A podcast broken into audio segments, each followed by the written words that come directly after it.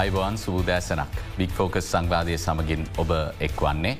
අද අපි කතාබහ කරන්න සූදානමින් ඉන්නේ. අපි සාමාන්‍යයෙන් නිරන්තරයෙන් අවධානය යොමු නොකරන ශේෂත්‍රයක් පිළිබඳව. විශේෂෙන්ම ගුවනේ වගකීම භූමියයේ සිට දරණ කොට්ටාසයක් බොහොම වැදගත් කාර්යභාරයක් රටේ ගුවන්සීමාවට අදාළව ඒත් එක්කම ගුවන් ගමන්වලට අදාළව ආර්ථිකයට අදාළව සිදු කරන පිරිසක් එක් අද සාකච්ඡා කරන්න මහිතන්නේ පි නිරන්තරෙන්ම අවධානය යොමු නොකරන ශේෂත්‍රයක් නිසා දැන කියා ගන්නට බොහෝ දේවල් තියෙනවා ඉතාම කුතුහලයෙන් සාකච්ඡාවට එකතු වෙන්නට අපිට අද හැකියාව තිබෙනවා. ගුවන් ගමන් පාලකවරුන්ගේ ජාත්‍යන්තර දිනය පසුගේ ඔක්තෝබර් විසිවෙනිදාට යෙදිල තිබුණා. මෙවර විශේෂත්වය තමයි ඔවුන් මේ වර්ෂයේදී ඔවුන්ගේ ශේෂත්‍රයට වස්සර සියයක් සමරනවා.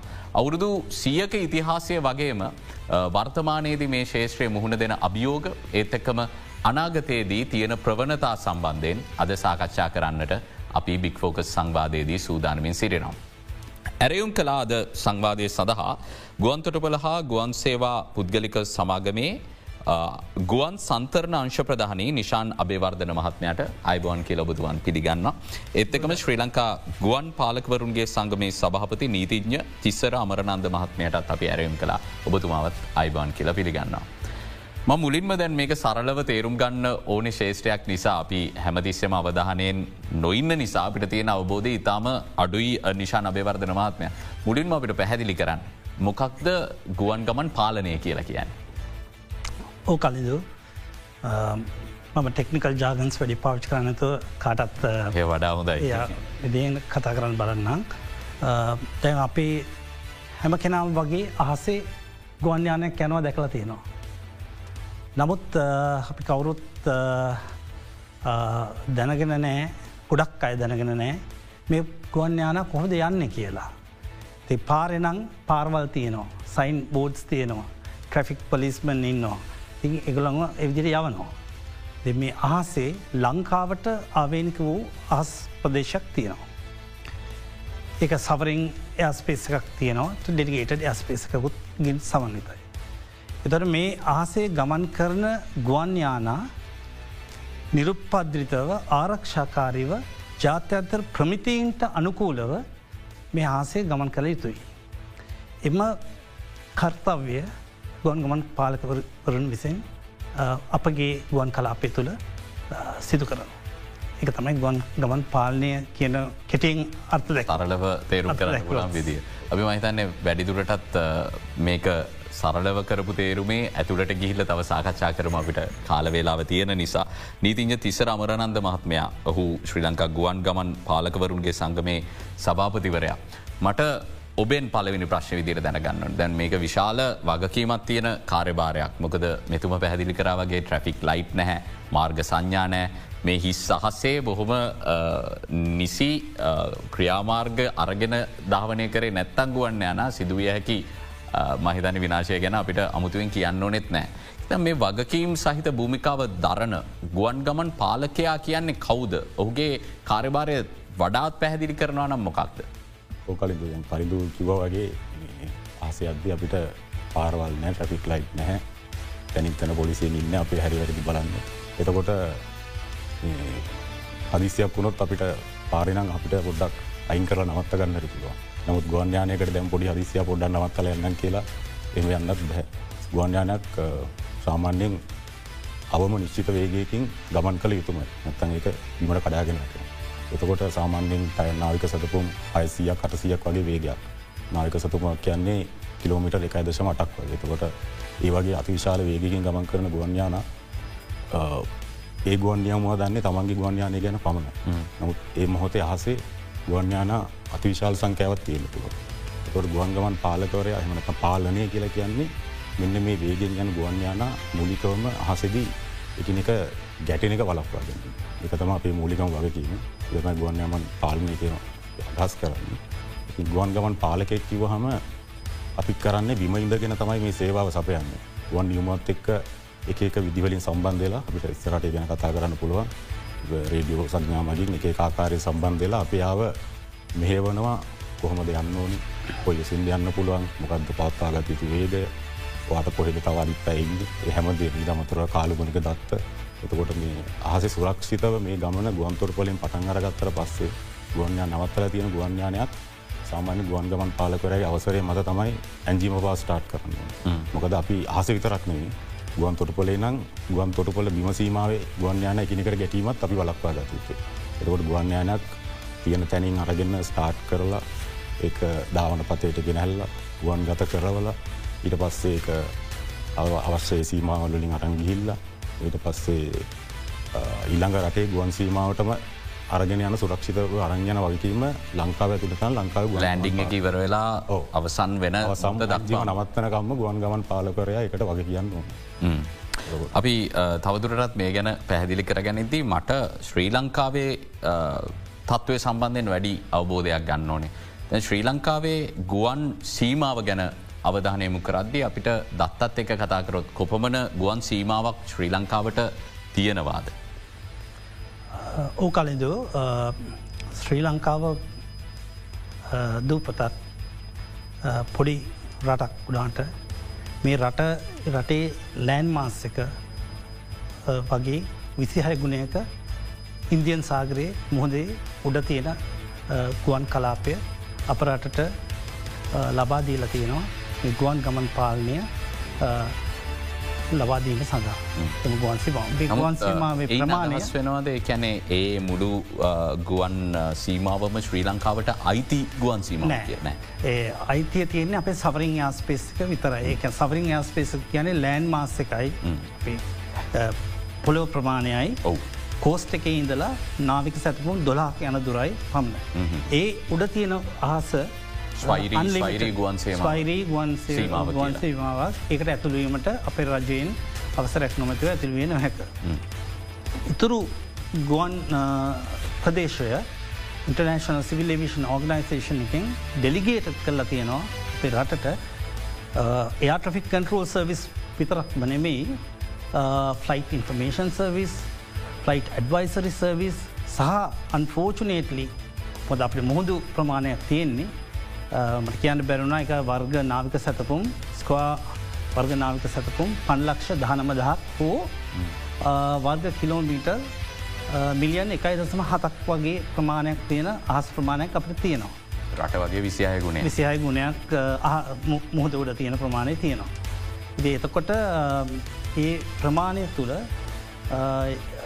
ගුවන් සේවා අමතර මංකිව අන්ෆෝචනේටලි මේ මුහද තුළට ලයික් මලේෂන් 370 වගේ uh, මේ අපේ උඩින් අපේ අහස් කලාපය තුළින් ගමන් කරන ගුවන්යානයක් යම් කිසි හේතුවක් මත uh, මුහදට පතිතවීමක් හෝ ගොඩබීමට පතිතවීමක් හෝ වෝහොත් uh, එයාපෝට් එක ප්‍රමාණයෙන් පිටත කිලෝමිටර් හතරකට එහාගිය ප්‍රමාණකින් එපිට මේ සියලුම ගුවන් කලාපය තුළම එවැනි සිදුවමක් සිදුවුණොත් අපේ පළමු එයාට්‍රෆික් කන්ටරෝල සට ගුවන් ගමන් පාලකවරුන්ට ඒ ජීවිත ඒ ගුවන්යානාවල තින ජීවිත පැසෙන්ජර්ස් රස ටරුව එක පයිලත්ස සියලු දෙනාගේ ජීවිත බේරා ගැනීමී කෝඩිනේට් කිරීම ඒ අවශ්‍ය ඇසෙත්ස් එතැන්ට යවලා ජීවිත ඉක්මට බේරගෙන නැවත ගෙනල්ලා එගොලොන්ට අවශ්‍ය මෙඩිකේෂන් පාස්කම් ලබාදීමේ තක්වා සා ඔන්න මේ රටින් ඔවුන්ගේ රටවල් දක්වා යැවීම සඳහා කෝඩිනේට් කරන්න අපේ ඒටෆික් කන්ටරෝල්ල ඇත තියෙන එරනොටික වෙස්ල් කෝඩිනේෂන් සිට කියන එක තමයි තියනඉතින් එයාට්‍රෆික් කන්ටරෝල් විතරක් නෙමයි ගොඩක් සර්විසස් අපි විසින් මේ අපේ හස තුළ ගමන් කරන ගුවන්යානවට ලබන්න. ඉසරමාත්මය දැන් අපිට ඔය රට වගේ විසි හය ගුණයක් විශාල ගුවන් සීමාව ගත්තට පස්සේ. එහි සියලුම ගුවන් ගමන්වල ආරක්ෂාව සම්බන්ධයෙන් වගකීම පැවරෙන්නේ ශ්‍රී ලංකාවේ ගුවන් ගමන් පාලකවරුන්ටද? ඕ අපිට තම ඉදිකැන ගුවන් සීමාවට ඇතිවලන සියලුම ගුවන්යාන අපිට කලින් දැනුදීමක් කරන්න කැන්නේ ඒකුල්ලු සාමාන්‍ය ගුවන් ගමනකට අවශ්‍ය සැලසුමතින පයිට් පෑන් කියලා අපි තියෙන එක අපිට ගුවන් ගමන පටන් ගන්නකොට වගේ අපිට ලැබෙනවා. සමට සතියකට කලින් වුණත් ලැබෙන පුළුව කොට අපි දන්න මේ ගුවන්යානේ මේ මොහොතේ අපිට ඇතුල්ලෙන්න තියෙනවා කියලා. අපි උදාහරණයක් ගත්තොත්තේම අපේ ගුවන් සීමාව තියෙනවා උඩින් ඉන්දියාව නැගෙනර පැත්තෙන් දුනිසියාව ජකර්තා මේ පැත්තෙන් බස්නාහිර මාලදීනේ මාලෙගුවන් සීමාව දකුණෙන් ඔස්ට්‍රේලියාවේ මෙල්බන් දක්වා තියෙන ධර්නකට ගත්තොද මෙල්බන් නම් අපේ පැත්තරෙන ගුවන්යාන අපි කලින් දන්නවා මෙයා එන්නේ මේ අපිට එන එන බව. එතකොට යන මොන උසෙන් දෙන්නේ ඒ හැම කාරණාවක අපිට කලින් දැනුම් දෙෙනවා තකොට සාමනෙන් දැන් ඉන්දියාවට අයිති ගුවන් සීමාවයි අපේ ගුවන් සීමාවයි කොහොමද වෙන් වෙන්න අපි නිකම් පැහ සරල අවබෝධයක් ලබ ගන්න. ඉන්දියාවයි දැන් අපි තුමු ඉන්දියාවයි අපි අතර බොහම එකැන දැන් ඒකාර නිර්ණය කරලා ඒ කාලේ මොකද මේක ඉතා සමසි හතලිස් ගනන්වලතම අපිට දීලත්තින තකොට අපේ රට සාමාන්‍ය ආසියාව හොඳ දියුණු තත්වක තිබ රටක්කින්ද අපිට හොඳ ගුවන් සීමාවක් ලැබිල තියෙනවා. එතකොට ඉන්දියාවයි අපි අතර තියෙන ගුවන් සීමාව කියන්නේ ලයිනක් වගේ අපට එක පොයින්ස් තියන මේ යන මේ මෙතන අපි උදාහරණය කැටර එක එක නම් නම් දාල. ඇත වශයෙන්ම මේ ලැටිටියට් ලොජිටියට් කියල තියෙන අක්ෂාංශ දේශාංශ. අහසේ සීමමායින් තියන්ට බෑන්. මේ අක්ෂාංශ දේශාංශ භාවිතා කරමින් භාවිතා කරමින් අපිට මේ අපේ ගුවන් සීමාව නිර්ණය කරලා තියෙනවා. ඒ බටහිරින් අක්ෂාංශ හැත්ත අටේ හැත්ත අටේ සිට අනූ දෙක දක්වාත් උඩින් ලැටිටියව් දෙකින් උඩ උඩින් දහයේ සිට පල්ලෙහට දෙක දක්වා බිඳුවට ගිල්ල දෙක දක්වා තියෙනවා. එකැන දෙව දෙක දේශංශ දෙක ඔස්ට්‍රේලියාවත් ශ්‍රී ලංකාවත් අතර තියෙන බෞන්ඩ්‍රේක අනු දෙක තියෙන්නේ ඉන්දුනිශාවත් ලංකාවේ ස්පේස්ක තියෙන බෞන්ඩ්‍රේක පස උඩින් සම්පූර්ණම ඉන්දියාවත් එක තියෙන්නේ. ඉළඟට මාලදිමේ නත් එක හැත්තෑට ශාෂත් සමඟ පද්ද වෙනවා. මේ ඇතුළි වපසාරය තමයි පඩලක්ෂ වර්ග නාමක සත්තබුම් පන්ලක්ෂ දහනමදහක් තිීර. සමන ශ්‍රී ලංකාවෙන් පිටත්වෙන ගුවන් යානයක් අපේ සීමාව ඔබ්බට ගමන් කරට පස්සේ අපිගෙමු ඉන්දයානු සීමාවට ඇතුළත් වෙන. ඊට පස්සේ අපේ ගුවන් ගමන් පාලකවරුන්ගේ වගකීමෙන් මිදෙනවාදේ ඉන්දියාව බාරගන්නද නැත්තම් අපිය දිග දිගට විරීක්ෂණය කර අප ඉන්දියාවට බාරදුන්නට පස්සේ අපිට පාලනය කරන්න බැහ ගොල්ලන්ගේ ගුවන් සීමාව. තකොට ගොල තමයි දන්නේ ඒ ගුවන් සීමාව තියෙන ගුවන් යන සම්බ එකන ශ්‍රී ලංකාවේ කටුනායක සිට දෙල්ලි බලා පිටත් වෙන ගුවන්්‍යානයක් නම් අපේ සීමාවෙන් ගියාට පස්සේ ඔවුන්නේ බාරගන්න ඔවුන්නේ බාරගන්න. අනිවාරෙන් ගුවන්යානයක් ගුවන් ගමන් පාලනයක් ඇත තමයි ලෝක හැමතැනම ගමක් ගමන් කරන්න. කැන් බිමසිට ගෙන ගුවන් ගමන් පාලකරු මේක හැමවෙලෙන් බෙහෙව. හොඳයි. නිශාන බවර්ධනවාත්මයද අවුරුදු සීයක් අපිට මේක පැහැදිලි කරගන්න ඕනේ. ඇයි ගුවන් ගමන් පාලනයට අවුරුදු සීයක් කියලා අපි කියන් කොහොමද මේක පටන් ගත්තේ? සංකේතාත්මක අවුරුදු සීයක කාලයක් කොහොමද මේ ශේෂත්‍රය ඔබතුමාලා හඳුන්වන්නේ. ඒ සම්බන්ධයෙන් අම්ම හිතන්නේ පැගන්ට අපේ ගුවන් පාලක සංගවේ සභාපතිතුමා තමයි මහිතන්නේ වඩා හොඳ හොඳයි. අවුරදු සී අක කියන්නේ ඉදස් නම්ශය තුනේ තමයි පලවෙනි ගුවන්යානය ගුවන් ගතවෙන්නේ. ඉට පස්සේ ගුවන්යානා ඇත්තරම් භාවිතා වනේ යුද කටයුතුවලට තමයි. නමුත් ඉක්තස් සමසය විස්ස වගේ වෙද්දී ගුවන්යානා ගුවන් බාණ්ඩ ප්‍රවාහනය ඒ කාලේ දුවකතන තිබෙන ඇතිහිද තැපැල් තමයි ලොකුම අවශ්‍යතාවය වනේ තැපැල් ප්‍රවාහනය උන්නෝය කටයුතුවලට ගුවන්යාන යොදාගත්තා. එතකොට ගුවන්යාන වැඩිපුර හස ගමන් කරන්න කරන්න මේ ගුවන්යානා මේ ගැටීම නවත්තා ගන්න ඕන වුණා. එතකොට ක්‍රයිඩන් කියන ගුවන්තුරපොල ලන්ඩන් වල තිබ්බ ඒකෙති තම ඉස්සෙල්ලාම එක්දා සමසය විසි දෙකේ මේක ක්‍රියාත්ම කරන්න පටන් ගත් ඒ කියන්නේ ගුවන්යානා නිකං අහසේ ඉබේ යන්න අරින්නේ නැතුව අපි මංසි පාලනයක් කරන්න ඕන කියලා තීරණයක් කරගෙන පලවිනි උත්සාහ ගත්තා. වැඩි වෙනවා. තොට ගොල දන්න එකත් එකට තේතුනේ සිදුවච්ච සිදුවීම එකැන ගුවන්තුර පොලි ගුවන්යන දෙක ගැටනවා. ඒකෙද ඒගොල තීරණයක් ගන්න අපි මක්කරි කරන්න ඕන කියලා බිම ඉදගෙන මේ ගොල්ලන්ට ගුවන්තුරපට එන යන හැටි කියලා කියන්න එතකොට ලීවලින් හදපු ගුවන් පාලන කුළුණක් හදලා එතනිදං මේ තොරතුරු සපේලා එතන තමයි මූලි කාරම්භය වෙන්නේ ගුවන් ගමන් පාලනය කියන සංකල්පය. ඉට පස්සේ හැමදාමුණේ සාමාන්‍ය යුද්ධයකින් පස්සේ තාක්ෂණ ඉතාමත්ම දියුණු ඉටස දෙවනි ලෝක යුද්ධදී අපි ගුවන්්‍යයාන අතිශය බහුලව භාවිතා වෙන පටන් ගත්තා. යුද්ධ යුරුණාට පස්සේ තාක්ෂණය විශාල වශයෙන් දියුණු වෙලා ප්‍රේඩා පද්ධති ඇතුළත් වෙනවා ඊට පස්සේ නොයකුත් සාකාරය මුලින්ම පාවිච්චි කරේ මෝස් කෝඩ් කියනර සංඥා පද්ධතිය. ඉට පස එකන් හයිපිකොන්සි ගොන් යනවලට රඩියෝ පනවිට දබා දෙන්න. ටස් දෙවන් ලෝක යුද්ධ කාලද වච් එකන්නේ වෙරි හයිපිකොන්සේ කොට අර ගොඩක් හොඳට අදහස් සෝමාරු කරගන්න පුළන් ගුවන් නියමත් එක්ක තාක්ෂණත් එක්ක දියුණවෙලා මේ ගුවන් ගමන් පාලනය මේ විදිහට ඇවිල්ල තියෙන දෙදා සිසි දෙක වෙද්දී ලෝකයේ ගුවන් ගමන් මිලියන තිහක්වත් බලාපොරොත්තු වෙන දෙදස් මේ මේ අවුරුද්දේ ඉතින් පහුගිය කාලේ ගොඩක් පසුබෑනුකට ලක් වෙලා තිබුණත් දැන් ශ්‍රී ලංකා ඇතුළ ලෝක අපව පිබිදීමක් ඇතිවෙලා ගුවන් ගමන් අති විශාල සංඛ්‍යාවක් සිද්ධවීම පවතිනවා. එතකොට මේ ගුවන් ගමන් පාලනය කියන එක ඇතරම අතිසේ වැදගත් අසරක් මේ දෙදා සිසිදක කියන්නේ. අවුරුදු සීජත් පිහිලා අපේ රටත් යම්කිසි පිබිදීමක් තිවේගෙන එන කාලයක් තමයි දෙදා සිදක ඉතින් ඔවිදිර තමයි ගුවන් ගමන් ශ්‍රේෂත්‍රය ඉදිරියට ඉදිරියට ඇවිල මං ඔබතුමාගේ මහනවනම් අවුරුදු සීයක් ගතවෙච්ච තැන අපි රටක් විදියට මේ ගුවන් ගමන් පාලන ශේෂත්‍රය තුළ මොනවගේ තැනකද ලෝකයේ සෙසු රටවල් එක්ක සසදද්දී ඉන්න? අපිට තියෙන පිළිගැනින් මොන වගේද ජාත්‍යන්ත්‍ර මට්ටම. ගුවන් ගමන් පාලනය ගත්තින් ගත්තොත් හෙම අපි යම්කි සාධනය මට්ටමකින්න අපි අපිට අපිට එහෙම අපිට දේවල් නොකරන්න බැහැ. ජාත්‍යන්තර සිගල් සිගල් සිගල් ගුවන් සේවා සංවිධානය අපි හැමිය වෙලේම පරික්ෂා කරල බලන්න අපි මේ දේවල් කරනවා. කියල මොකද අපි එක රටක් හැටියට එක දැන් මේ ගුවන් ගමන් කලින් කිවගේ එක රටකින් තවරටකට බාරදි දයන්න එතකොට අපි තරක් අවශ්‍ය දේවල් කරන්න තු හිටියොත් එම ඒ අනි ලෝක අනිතරටවලට ප්‍රශ්න ලප අපි එකින්ද ජාත්‍යන්තර මට්ටම මටම අපි අනිවාර්යම පවත්වාගෙන ආයුතු ගොර ඒකෙද අපිට අපි ගොන්තුර පොලා ගුවන් සේවා සමාගමත්තයකට මැදිත් වෙලා ගොඩක් කටයුතු කරලා තියෙන අවශ්‍ය තාක්ෂණය ඒ ගොඩක් දේවල් අපිට තියෙනවා ගුවන්ගමන් පාලකෙක් හැටියට ගත්තොත් අපේ පිළිගැනීම ලංකා ඇතුල සාමාන්‍යෙන් ගත ඇත්තරම අඩු ගුවන්ගමන් පාලකකට එකැන් ගොඩක් අය මේක දන්නේ නෑ ඇත්තරම මොකක්ද මේ වෘතිය කියන්න? මොකක්ද මොනවද කරන්නේ? ද අපි වුණත් ගෙවල්ල ලයිවුණත් හිතන්න අපි මේ අරබිම ඉනම් පේන එකට අදක වන්න කට්ටිය කියලතමයි සාමාන්‍යෙන් හිතන්නේ. කියන්නේ ගුවන් ගමන් පාලකෙක් කියලා කෙනෙක් ඉන්නවා කියලා ගොඩක් අය දන්නේ නෑ. නමුත් අපි විදේශරටකට එම ගේපුහම අපේ පස්පෝට් එක දැක්ත් ගුවන් ගමන් පාලකෙක් හම ලොක පිළිගැනීමක් කියන අර රටේ ඒ පිළිගැනීම අඩුයි නමුත් අපි තාක්ෂණික පත්යෙන් අනිත් අවශ්‍යතා සපුරා ගැනීම පැත්තෙන් ගුවන් ගමන් පාලනය පැත්තෙන් රටක් ඇටියට ලෝකේ අනිත්තැන් අනිත් රටවල් සහ සාපේක්ෂව ඉන්නවා කියලා කියන්න පුළුව. ඔබතුමාගෙන් යහොත් අපිට තාක්ෂණික වශයෙන් තව යන්න පුළුවන් තැන් තියෙනවද විශේෂෙන්ම ලෝකයේ සෙසු රටවල් එක්ක සැසදීමේදී අපිට අත්පත් කරගන්න පුළුවන් ප්‍රගතිීන් තියනද තාක්ෂණික වශයෙන්.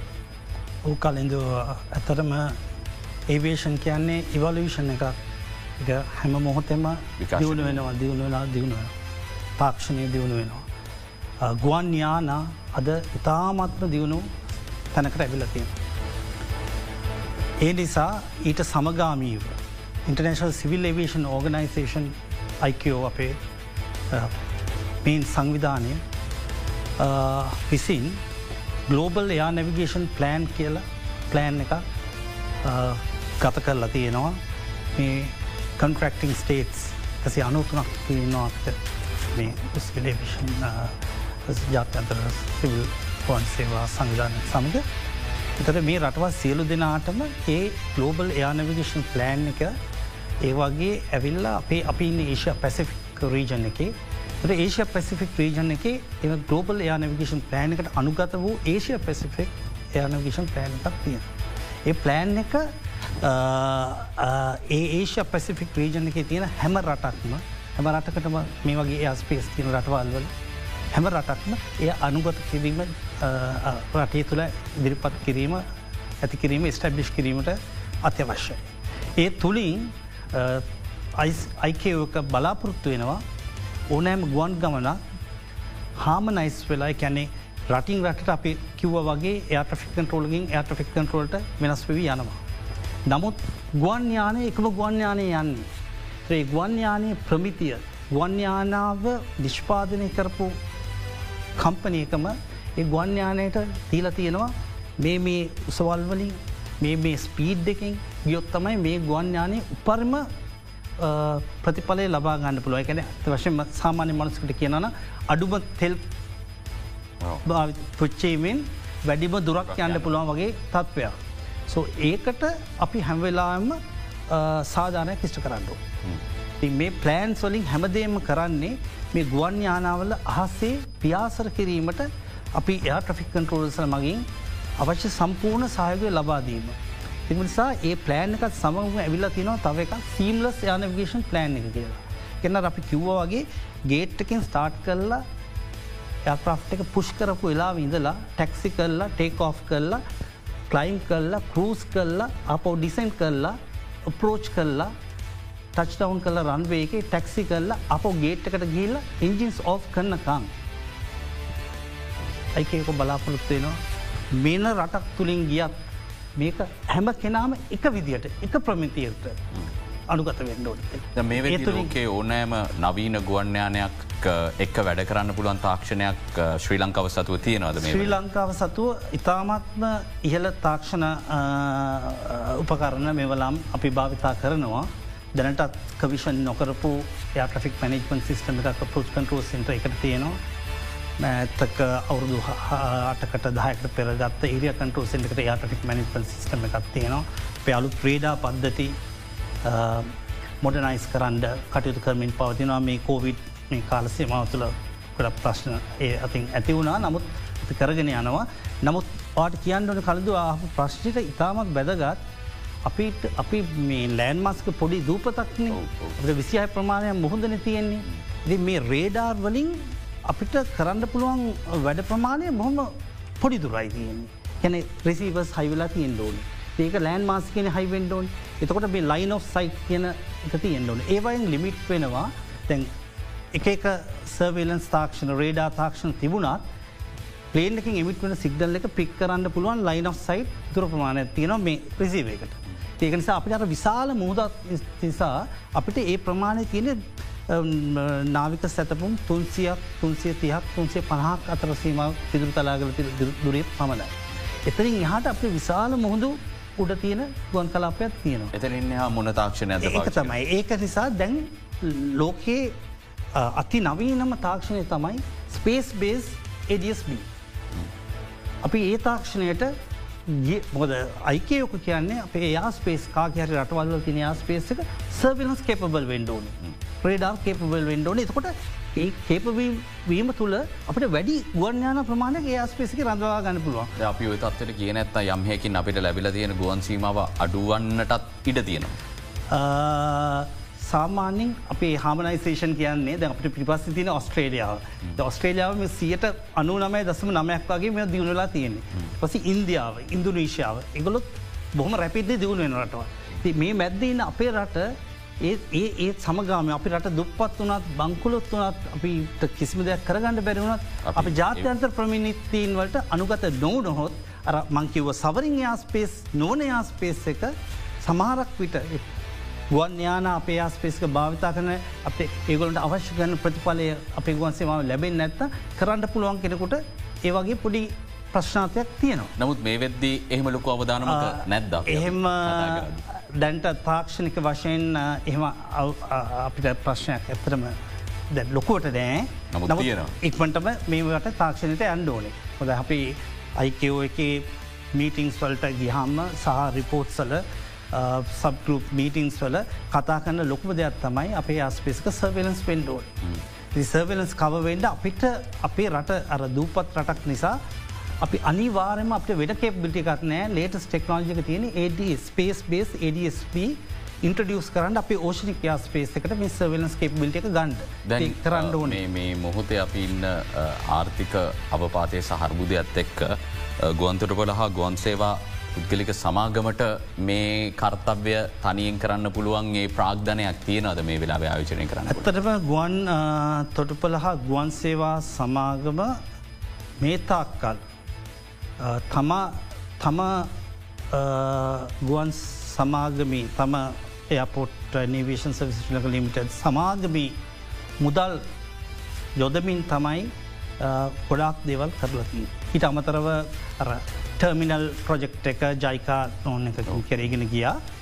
නමුත් මේ එයා ට්‍රෆික් රිලේටඩ් ඒවා ඉන්වස්මන්ස් ගොඩක් දුට අපේ කොම්පැනි විසින් දරල ලෝන්ස් අරගෙන ලෝන්ස් ගවන්න අපි කොම්පැනි විසින්ම ගෙවන ටෙචරයකට බරක් නොවී නමුතු අකිව්ව වගේ මේ අවස්ථාවේ තියෙන තත්ත්වය තුළ තවමත් අපේ සමාගම ඒ මුදල් අපෙන් ගෙවෙන්ඩ තියෙන දෙයක් තියෙනවනම් අනිවාරෙන්ම අපේ සමාගම විසින් දැනට රජයෙන් රෙස්ට්‍රික්ෂණ එකක් නැත්තං කාටවත් බරක් නොවී අපේ ගරු සභාපතිතුමා විශ්‍රාමික මේ ජනරාල් ශ්‍රී චන්ද්‍රසිරිස්තු සංසිරී මැතිතුමා ප්‍රසභාපති ඇතුළ අධ්‍යක්ෂක මණ්ඩලය අපේ සමාගම මැනවින් පාලනය කරමින් පවතිනවා.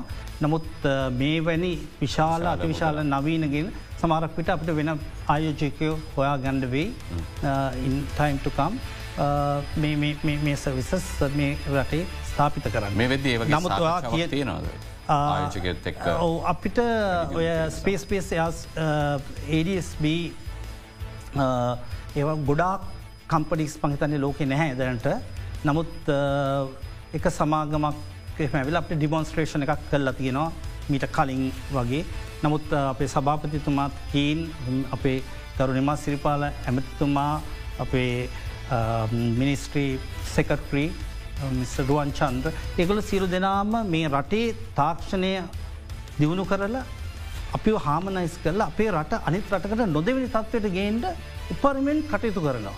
නමුතර කියනවගේ මේ තියෙන පොඩි නිහැඩියාවක් මේ වෙලා තියෙනවා නමුත් අපිට වේ නෙක්ස්ට වේලබල් ඔපචන්ටයකේදී මට විශ්වාසයක් තියෙනවා එතුමන් විසින් ඒ තත්වට ගෙනයයි කියලා. කමින් බැක්ට අර කියපු එක පොඩි ප්‍රශ්නයක් අපිට තියෙනවා. එකසිය පණහකට එකසිත් පණහකට ආසන්නේ යටෆික් කන්ටරෝලස්ර ප්‍රමාණයක් අවශ්‍ය වෙන පරිසරයක අපිට දැන්ට අසුවක පගේ පමණ ඇටෆිකන් රෝස් ප්‍රමාණයක් ඉන්න. ඉතින් එම නිසා ඒ අපි ඒ තියෙන ගැටලුව අවස්ථාවක් යන වග රටට කිය මොකද එත අඩුවක් තියෙනවනම් පුරුවන් අපේ රට පුරවැසියන්ට හැකියාව තියෙන්න්න ඕනේ. ඔබ කොහොමද ගුවන් ගමන් පාලකවරයෙක් වෙන්නේ කියන අවබෝධයක්ත් ලබා දෙන්නට අපි සූදානමින් ඉන්වා සංවාධය අතරතුර. ඔබතුමාගෙන් විශේෂ මාර ප්‍රශ්න කිරීම සිදු කළ අපි සතුව තියෙන ගුවන් සීමාව රැක ගැනීම මගේ තන්නේ ඉතාම වැදගත් කලින්දු අපි දැන් මේ පූර්ණ ගුවන් කලාපය පාලනය කරන්න එකසේ පනාකට අසන්න හොඳයි අපි එතන්ටම විරාමයක් අරගෙන විරාමය අනතුරු අපේ වැදගත් කොටසට අවතීරණය මුසාකච්ඡාව. ගුවන් ගමන් පාලකවරුන් සම්බන්ධයෙන් අපි සාකච්ඡා කරන්න විශේෂම අපේ රටේ ගුවන් සීමාවට අදාළව ගුවන් ගමන් පාලනය කරන්න මේ වෙද්දි තියෙන අභියෝග මොනාද කියන කොට අපි සාකච්ඡා කරමින් සිටේ නිශාන අභේවර්ධන මහත්මයා බුදුම කිව්වා එකසිය පණහක් විතර ඕන කාරභාරයකට මේ වෙද්දි අසුවයි ඉන්න නමුත් කළමනා කරණය කරගෙන යනවා කියලා. නමුත් එහිදි තියෙන අභියෝග මොනාද. ඇත වශයෙන්ම කලින්දු මේන්ම අවියෝගය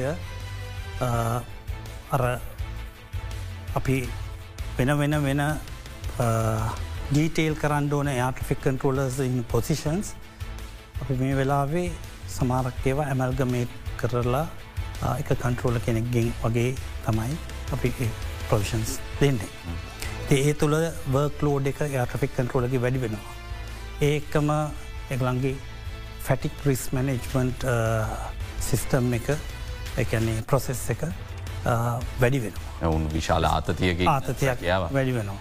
ඉළඟට ඒක ඇත්තරම අපි මේ කටයුත්ත ඇත්තරම කරේ පහුගේ අවුරුදු දෙකේ ප්‍රවික්තත්වය අඩුවීමත් තුළ අපි රික්රෝට්මන්ට් වලට ඉඩ දුන්න. ඒවත් සම කරගෙන යන්වත ඒවත් ටිකටික ටිකටික පසු බෑම කියන්නේ මේ රටේ තියෙන තත්ත්වයක් එක වුණා. නමුත් ඒව කෙරීගෙන යනවා. ඒ සමගම මේ කටයුතු දැන් නැවතත් ගුවන් යානා පියාසර කිරීම වැඩියෙන් වැඩිවෙන් වැඩිවෙබින් පවතින පවතිනවා. ඉතින් එම නිසා අපිට මේක ගොඩාක් දුරට මේ විදිහටම කරගෙන අන්ඩ අර්කර වගේ අමාරුයි. යට අනුවක විතර වැඩිවීමක් ඕන. ඒක තමයි. ඒක නිසා ඉතින් අර අපිට හව කොයි හරි මොහොතක යම් කිසි පැරෑරුම් තත්ත්වයක් ඇතිවීම තුළ ඒ තත්ත්වය බලපාණ්ඩ පුළුවන් අපේ අර ඩෙලිගේට ඩයාස් පේස් එකට අපිට අපේ අපේ රට විසින් අපිට මේක කරගණ්ඩ බැරිනම් නමුත් ආසයන ප්ලේන් මේකට පලිනෑ අනිවා එගොල්ලොන්ට මේ පැසෙන්ජස්ලා හිසකයි එමිසු කිසි දත් දන්න එනිසා අපිට ලොකු වගකීමත් තියෙන රටක් හැටියට සා සමාගම. මේ අපිට අවශ්‍ය කනය යම් සිල්ම පාස්කම් සලසලක් ගොන් ගමන් පාල්කවරුන් ලබාදීල මෙතන ම ඔබතුමාට එන්න කලින් තව එක ප්‍රශ්නයකට එන්නම් ඔබතුමාට. මෙතන තියෙන ප්‍රශ්නය මේ තියෙන වාතාවරණයටතේ අලුතෙන් ගුවන් ගමන් පාලකවරුන් බඳවා ගන්නට තියෙන ආර්ථික මේ ප්‍රශ්නයක්ද නැත්නම් ගුවන් ගමන් පාලකවරුන් නැද්ද ලංත වශයෙන්ම කලින්දු මෙහෙම මම දරට මේක හෙඩ් හැටියට පත් වෙලා අවුරුදු තුනක විතර කාලයක් වෙනවා. මගේ සභාපතිතුමා විශ්‍රාමික මේ ජනරල් චන්ද්‍රසිරි මැතතුමා මට පස්ස වගේ ආවේ මට මාසකැක්වට පස්සේ වගේ සභාපති හැටියට ආවේ. හැබැයි ගිය බෝඩ් එකත් එක්කත් මම එක සාකච්ඡා කර ම න මොද මට දැක්ක මේක වෙන්ඩ යන මම මේක අපේ සභාපතිතුමා ඇතුළු බෝඩ් එකට අරංගිහිල්ල සාකච්ඡා කරලා අපේ සභාපතිතුමා ඉතාමත්ම කැමැත්තෙන් මේ කටයුත්ත ඉටු කරලා අවශ්‍ය ගොන්ගමන් පාලකවරුන් වහවා යුසුලුව බඳවාගෙන ොද ට්‍රේන් කරන පිරිියඩ් එක ලොක පිරිියඩ එකක් යනවා. නමුත් එතුමා ඒ සියල්ලම ඒ තත්වේ ඒ තිබුණ තත්වය තුළ අපට මෙච ලොක ගන අවශ්‍යාව තිබුණ නෑ වෙලා නමුත් වෙලා කීදන කළුතෙන් බඳවා ගත්ත විසි පහක් ඇත්ත වශයෙන් එතුමා විසි පහක් කැන අපේ මංහිතනේ රටේ බඳවගත යොක්කුම යාටෆික් කටරෝසි බච්චක නමුත් දැන් කෙටි ප්‍රශ්නයක් විදියට යනවනම් දැන් අසුව වැඩි කරන්න අපිට තියෙන ප්‍රශ්නය මානව සම්පත නැතිකද නැත්තම් මූල්‍ය ගැටලුවත්. නෑ ඒ මේ කලදු මං පැහැදිලි කරනවා නම් දැන් අපිට ඒ විසි පස් දෙනෙක් බඳවගත්තා නමුත් තුන් හතර දෙනෙක් එක ළඟ පට සරවට මේට ක්‍රේණි පිරඩ එකම අහිං වුණා. ඉතුරු කොටස අද රේට් වෙලා තව එකනෙ දෙන්නෙක් ඉන්නවා. මොකද මේ ප්‍රසෙසක ඩිලේ වුණා. කෝවිඩ් ප්‍රශ්නාව ඒගමම්ම ඊළඟට ෆුවල් ප්‍රශ්නාව ඊළඟට රජයේ ආයතනය. මොකද අපිට විතරක් මේවා රේටිං ලයිසන් දෙන්න බෑ එවට සිවිලිවිෂන් ඔතෝරට එකත් ඉන්න රෙගුලේට කෙනෙකින්නවා. රේගුලන්ගේ ඉල්ල පැනල් එකක් ඇවිල්ල ස්කිල් ටෙස් කරලා දෙන්නේ. ඒවා වහලා තිබුණ සිකාලවල විසි පස්සනට මේ වන විට බලපත්‍රය ලැබිල නැද්ද. බලපත්‍රයකින් දහත් දෙන දහා අට දෙනකුට ලැබිලා තියෙනවා. තුන් දෙනෙකුට ලැබෙන්ඩ තියෙනවා. එක අපි ඉතාමත් ඉක්පනින් ලබා දෙනවා. මේ අතතුර කලින්දු ආව අලුත් රෙගුලේෂන එකක්. එකට කියන IS09 කියල ඉම්පලිමෙන්ටේන් ස්ටන්ඩ 09 ජාතන්ත රෙගුලාශ ජාතන්තර රෙගුලාශයක් ඒක රටේ දීතිය හැටියට ලංකාවේ ලෝකල් රෙගුලේට විසින් පත් කරා. ඉතින් ඒකෙදී මේ ඒට්‍රික් කන්ට්‍රෝලර්ස් ලව ඩිප්ලෝයි කරන්න බැරි තත්වයක් අපි දැන්ට කරගෙන යන විදිට. නයිට් එකක් කරොත් පැයි පනස් හතරක එව නිවාඩු ඒට්‍රිකන්ට ඉන්වයිමටකින් ඇත් කල තියන්ඩෝඩ. එතොට ශිෆ් එකක් අපි දැන් මේ නැති හින්දා ලොකු ශිප් කරනවා. තර ඒ එච්චර ලොක පිරිියඩ් එකක් තියෙන ශිප් කරන්න බෑ. තර පැය දහයක වගේ නයි ශිප් එක මැක්සිමම් පැය දහය කරන්න පුළුව. අනිත් ඒව පැය දුහට අඩුවෙන්ඩෝන්. පැය දහයක නයි ශිප් එකක් කරම් පැය පනස් අතරක වියකයක් දුන්නත් මට ඉතුරු ඒව කරන්න කන්ට්‍රෝලස නෑ. තිසරමරනන්දමත් මෙද මේක බොහොම පැහදිලි. මයිතන එකසිය පණහකින් විතර කරන්න ඕන වැඩ කසූ දෙනකින් කරද්දී ඔබතුමාලා පත්වෙන විඩාව එත්තකම රට ඔබතුමල්ලගේ කාරබාරය කොයිතරම් වැදගත්ද කියන කාරණය මයිතන මේ හඟන්න හැමෝට පැහදිලි. මං කැමති ඔබේ අත්දැකීමෙන්ම පැහදිලි කරන්න මේ කොයිතරම් වෙහෙස්ස කර අභියෝගාත්මක කාර්යද විශේෂම ලංකාවේ දැන්තියන මේ අඩුවත් එක්ක. නිශාන්න බේවර්ධන මත්න පැදිලි කරා වගේ එකසිය පණහක් ඉන්න ඕන තැන දැනටත් තින්නේ අසුවක් වගේ. එතකොට මේ අසුවෙනුත් දැනට කීප දෙනෙක් මේ රැකියාවෙන් ඉවත් වෙලා ගිහිල තියෙනවා මීට වඩා හොඳ සැල්රියක්කට පින රටල්ල රැකියා ලැබිල තියෙනවා.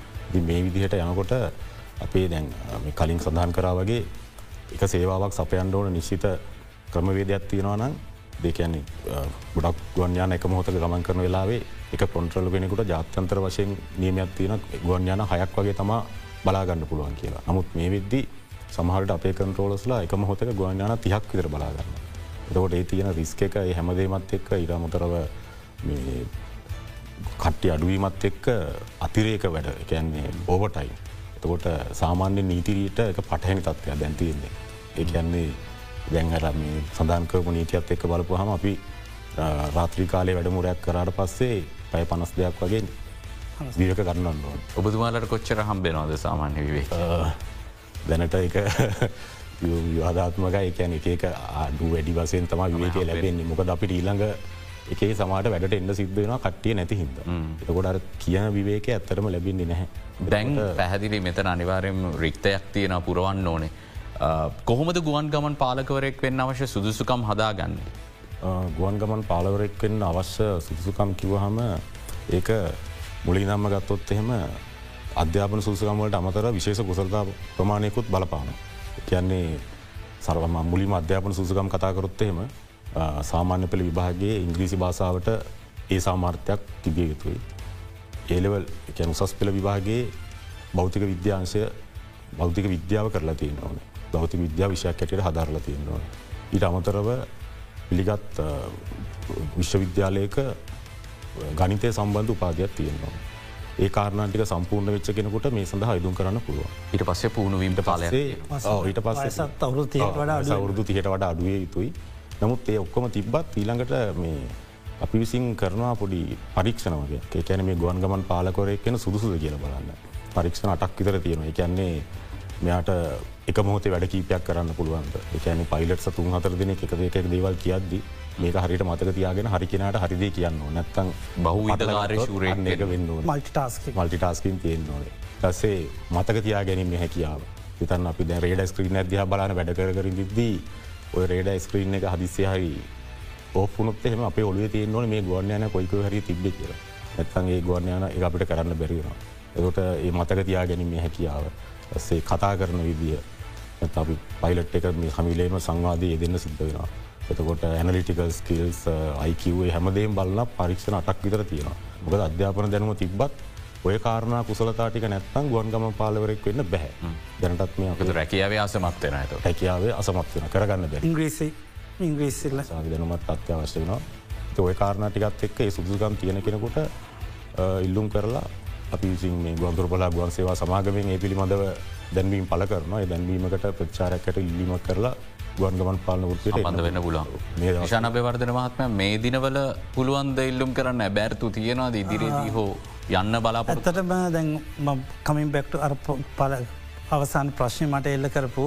දැන් අපි ඇතර වශයම අසාධාරණය නැත්තං එකිව නැත්තා දැ මේ නීතිය පැමිණීමත් සමඟ නැවතවරක් මම අපේ බෝඩ් එකට ගිහිල්ලා අපේ චයාමන් ඇතුළ බෝඩ් එක විසින් අපිට මේ දැන්න රජයේ ප්‍රතිපත්තියක් හැටියට බදවාගෙනම් නවත්ල තියෙන වෙලාවේ අපේ මිනිස්ස සෙකට්‍රී රුවන්චන්ද්‍ර මැතිතුමාත් මස්සිපාල ඇමතිතුමාත් මැදිහත් වීමෙන් අප වෙත අපගේ එයාට්‍රික් කන්ටරෝස් අඩුපාඩු සඳහා බඳවා ගැනීමට අපට බ්ලැන්කට් ප්‍රෝල එකක් ලැබිලා තියෙනවා. මොකදගේ කාටවත් විරුද්ධ වෙන්න බෑ මේ අවශ්‍යතාවය බොහ ඒ සම්බන්ධයෙන් දිය අපි නැවත වතාවක් ඇඩටයිස් කරලා තව විසිපස් දෙනෙක් අපි පුළුවන්නම් පළමි බැච්චක හැටියට පණහක වගේ ක්‍රික්තයක් තියනො දැන්.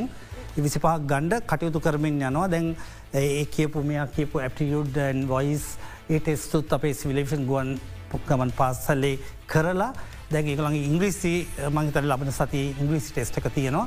ඊට පස්සේ ඉන්ටවියකත් තියලා වෙද්දී ඒ කියන්නේ ෂෝට් ලිස් කල්ල තියෙනවා හැත්තෑ දෙකුට පමණ පන්සියක් විතර අපකින් දැන් හැත්තෑවකට විතර ෂෝට්ලිට් ලිස් වෙලා තියෙනවා. තිමීට පස්සේ ඉංග්‍රිස් ටෙස්ට එකෙන් පස්සේ තුරන ලිස්ට එක හොඳ බං කට්ටිය ඉන්ටවිවේකට සමුක සාකච්ඡාවකට යොමු කරලා එතරින් සිලෙක් වෙන විස්සි පහක් සුදුසු අය හිටියොත් ගණ්ඩ තමයි අපේ බලාපොරොත්තු තියෙන්නේ. ඉතින් අපේ අපිට තා විරාමයක් ලබා දෙන්න ඉක්මනින්ම යළිත් හමු වෙනවා. තිස්සර අමරනන්ද මහත්මයා මේ අපි ගුවන් ගමන් පාලකවරුන් ගැන කතා කරදදි ලංකාවේ ආර්ථිකයට මොනවගේ දායකත්වයක්ද මේ ශේෂත්‍රයෙන් ලැබෙන්නේ අපි මේ ගැන අවබෝධයක් ලබා ගැනීම වැදගත් විශේෂ ආර්ථිකයට වගේම ජාතික ආරක්ෂාව වගේ ශේෂත්‍රයන් ගැන තවදනම කරත්. ගුවන්ගමන් පාලකවරුන්ගෙන් ශ්‍රී ලංකා ආර්ථිකයට ලැබෙන දායකත්වය ගැන කතාගරොත් එහෙම කලින් සඳහන් කර අපේ ගුවන් සීමාවේ උඩින් පියාසර ගුවන් කරන ගුවන් යානා තියෙනවා. එකන්නේ අපේ ගුවන් කලාපේ පහුකරගෙන උඩින් යන්නේ නමුත් අපේ රටට ගොඩ බෑමක් සිද්ධ කරන්න. නමුත් අපේ ගුවන් යන සුරක්ෂිත අපි අරගෙන යන ඒ කරන ආර්භාරයට ඒගොල්ල අපිට යම්කිසි ගෙවීමක් කරන්නවා. ඒක දව ඩොලර් දෙසිය පනහ තුන්සේ පනත් අතර වගේ එක ගුවන්යානයකින් අයක.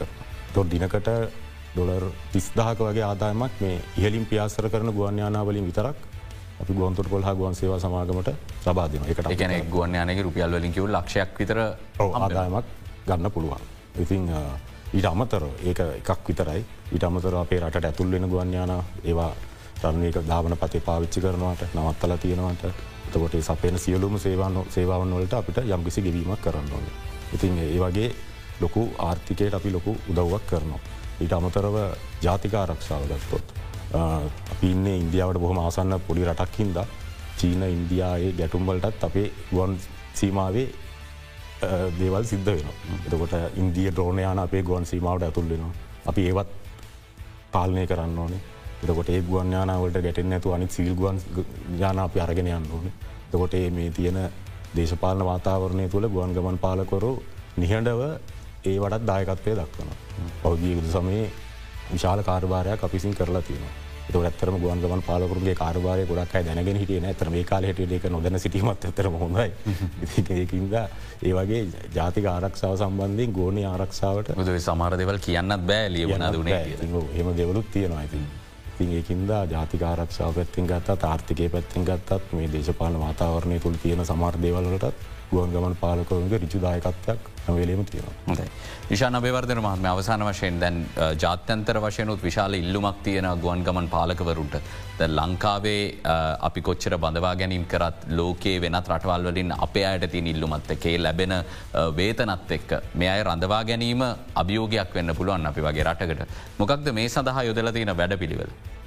එත වශ්‍යම කාලිදු ඉතාමත් හොඳ ප්‍රශ්නයක් ඇසුවේ අපේ කොච්චර බඳවා ගැනීම් කළත්. බඳවාගන්න බඳවාගෙන අවුරුදු ෆුලි ෆ්‍රෙච් ඒට්‍රික් කන්ටරෝල් කෙනෙක් බිහි කරන්න අවුදු හයක් අටක් දහයක් පමණ කාලෙකට ගත වෙනවා. අල්වම වශයෙන් කරොත් අඩු වශයෙන් අවුරුදු අටක්වත් කාලයක් සිමාව තුළ කරන්න පුළුවන් වෙනවා. එතකොට මෙච්චර මෙහෙම අමාරුවෙන් හදාගන්න ගුවන් ගමන් පාලකවරු අපිට අපෙන් අහිමිවීමේ ප්‍රවණතාවයක් ගියවුරුද්දේ මැයි මාසි සිට තියෙනවා. ඉතාමත් අධික පඩිවරට පඩිවලට. ඒගලට ඔෆ කල දෙන. ඒ ඔෆ මේ රටේ තියන අද තත්ත්වත් එක්කත් එමිනිසුන්ට ආක බලන්ට බැරි තත්කට ඇතරම ඇවිල තියන කැමැත්තෙනුත් නෙම ඒගලොන් සමාරක් වෙලාට නමුත් මේ තීර තත්වයවඩ. ඒ නිසා වහ වහා අපි මේ ඉන්න යාට්‍රික් කන්ටරෝලස්ටික මේ අසූය රැක ගැනීමේ කටයුත්තක් කරන. ඇත්ත වශ මේ ගැන මම ඉතාමත් සතුරුවෙනවා ගේන් අපේ සභාපතිතුමා උපසභාපතිතුමා සහ කැප්ටන් මිලින්ද රත්නායක ඉතාමත් ජේස්ට නොලේජබල් ශ්‍රී ලංකන යාලයින්සිගේ හිටපු flight head flight operations head inflight services අවුරදු හතලියක විතර ගුවන් ශේත්‍ර සම්බ පලපුරුද්දක් ජේස්ට ඔස්ස කෙනෙක් එයාගේ සම්බන්ධින් කමිටුවක් පත් කරලා ඒ කමිටුව මගින් නිර්දේශ අපේ බෝඩ් එකට ලබාදීලා බෝඩ් එක විසින් ඒකමතිකව ඒ නිර්දේශ අපරූ කරලා තියෙනවා. ති අපි බලාපොරොත්වෙනවා ඉතාමත් ඉක්මනින් අපේ ඇමතිතුමා සහ අපේ අමාත්‍යංශලයකම් රුවන්චන්ද්‍ර මැතිතුමා විසින් එම නිර්දේශ ස්ථාපිත කරීම තුළින් අපේ ගුවන් ගමන් පාලකවරු බඳවාගන්නා අතරතුර ඉන්ඩගුවන් ගමන් බාලකවරු රඳවා ගැනීම සඳහා කටයුතු කරයි කියල. බොහො මහිතන්නේ කොයි තරම් විශාල අභියෝගාත්මක ආතතියක් තියෙන රැකියාවක් ඔවුන් කරන්නේ සහ උන්ගේ කාර්යභාරය රටක් විදිහට රටේ ඉදිරි ගමනට රටේ ආර්ථිකයට කොයි තරම් වැදගත්ද කියන කාරණය අපිට යම්තාක් දුරකට තේරුම් ගන්න පුළන් වුනා කියලම විශ්වාස කරන මහිතන්නේ මේක බොහම ගැඹුරින් කල්පනා කරද අපි නොදකින අභියෝග ගණනාවක් අපිට තවදුරටත් කතා කරන්න පුළුවන්. නමුත් මංගේතන අද කතා කරපු කාරණාවල වැදගත්කම අපිට තේරුම් ගන්නට පුළුවන් සංවාදයක් අපි අද සිදු කලා කියලා මං විශ්වාස කරන බෙන්ම සූතියන්තය නොබ දෙපලටම අදට අපිට ලැබිල තියන කාලවෙලා අවසන් නිසාපි සංවාධයෙන් සමුගන්නවා නිරන්තරෙන්ම මේ හා සමාන කාලීන සිදුවීම ඔබ දැනගන්නට කැමැත්තෙන් ඉන්න බොහෝ දේත් එක්ක බික්‍ෆෝකස් සංවාදයේදී හමුවන්නට අපි සූදානම්. එටත් හමුවෙනවා. සුපුරදු වෙලාවට රැඳී සිටින්න අපිත් එක්ක. සුපදිනයක්.